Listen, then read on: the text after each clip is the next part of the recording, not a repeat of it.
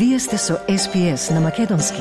Слушнете повеќе прилози на sps.com.au козацрта на Седонин.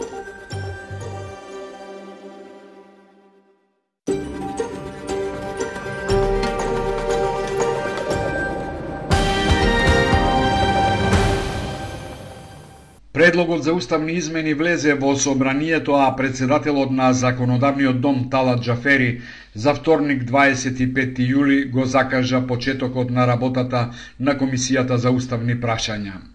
Гласањето за предлогот за измена на Уставот на Македонија треба да биде на собраниска седница закажана за 18 август. ВМРО ДПМН е се уште не искажува јасен став како ќе ја води дискусијата во Собраниската комисија за уставни прашања.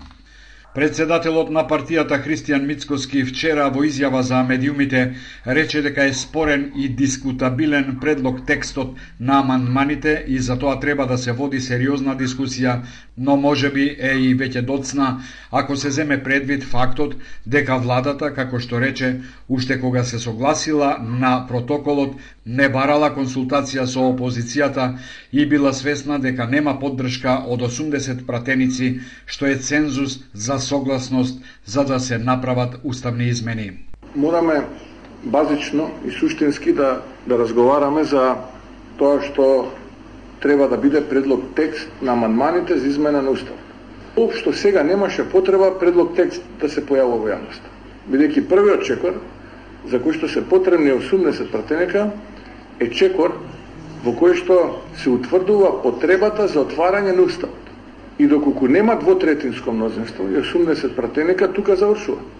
СДСМ и натаму се надева дека во рамките на собраницката расправа ќе има пратеници кои во името на државата ќе ги надминат партиските интереси и ќе гласат за уставни измени. СДСМ вели дека Мицкоски може да се изолира индивидуално, но не да ја изолира државата. Лидерот на Лебица Димитар Апасиев вчера на својот Facebook профил напиша дека иако уставните измени стигнале во собранието, не гледа причина од расправа во законодавниот дом и е категоричен дека уставни измени нема да има. Дипломатските представници во Македонија и вчера сугерираа земјава да го сработи тоа што ја дадено како задача од Европската Унија и да не се фокусира на изјавите што доаѓаат од различни страни, а се надвор од преговарачката рамка, откако бугарскиот председател Радев во изјава за бугарските медиуми рече дека ова е само почеток на барањата на официјална Софија.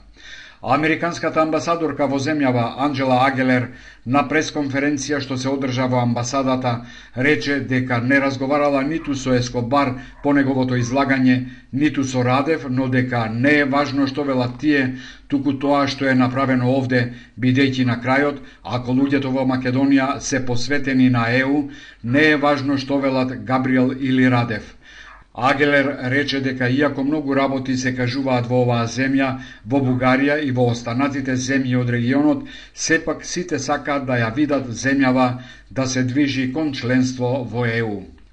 Обединетата македонска диаспора омада стои на ставот дека Бугарија нема основа да бара почитување на некакви права во друга држава, бидејќи таа самата не ги почитува основните човекови права на македонците. Еден од основачите на ОМД, Методија Колоски, кој е во посета на Скопје вчера за медиумите изјави. Нема да се согласиме за се со татковината и нема татковината да се согласи со се од диаспората. Но мораме тие врати да ги чуваме отворени се надеваме дека нашите соседи ќе бидат многу а, повеќе а, а, како нас во смисол а, да ги даваат правата што ги заслужуваат сите малцинства, како што Македонија е пример во светот за правата на, на малцинствата. Колоски додаде дека ома да се бори и ќе продолжи да се бори за зачувување на македонскиот идентитет, културата и јазикот и во диаспората, но и во татковината.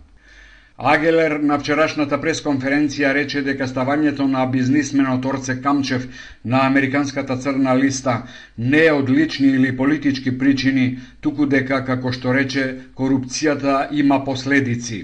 Таа рече дека корупцијата на Камчев е предавство на народот и не смее да помине неказнето.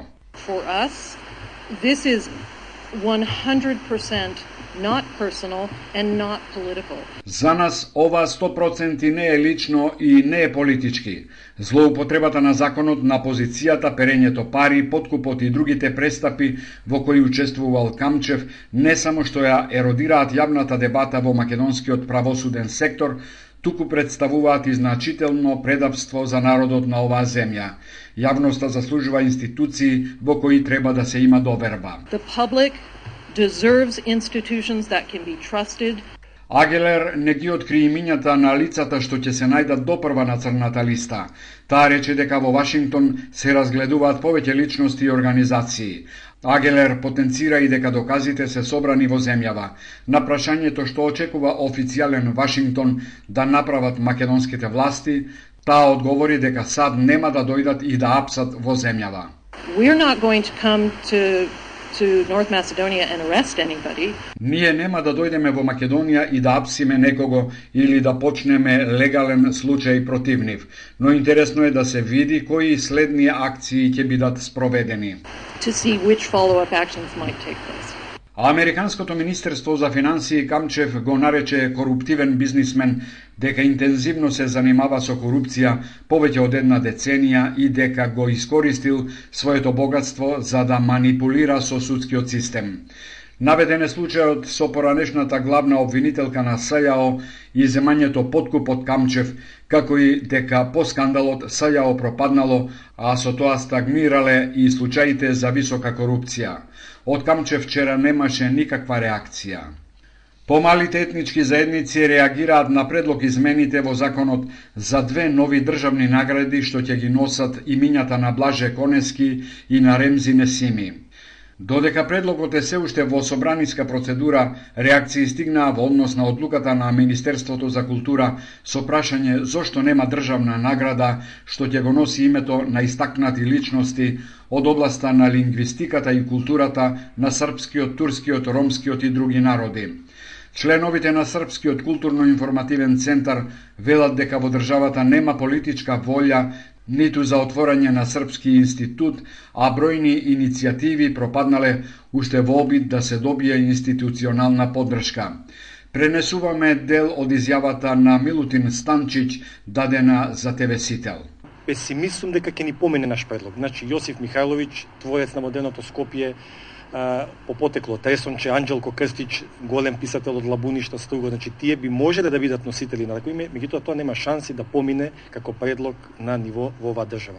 И тука нашите разлики идентитетски се огромна диспропорција на она што ние го осознаваме, го откриваме и афирмираме до реализација во дневно политичкиот општествен живот. Министерството за култура соопштува дека со двете нови државни награди Блаже Конески и Ремзи Несими ќе се овозможи во државата да се оддава обштествено признание на поединци, групи и установи кои со својата активност дале придонес за промоција, заштита и унапредување на македонскиот јазик, односно на албанскиот јазик и на албанологијата.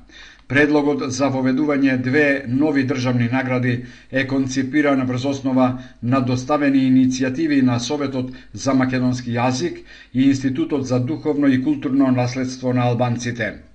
Министерката за култура Бисера Костадиновска Стојчевска и на јавната расправа во собранието упати повик до другите народи во државата да задат предлози за државни награди во областа на нивните јазици се предлага доделувањето на државната награда Блаже Конески да биде на 19 декември, а на 25 наградата Ремзи Несими.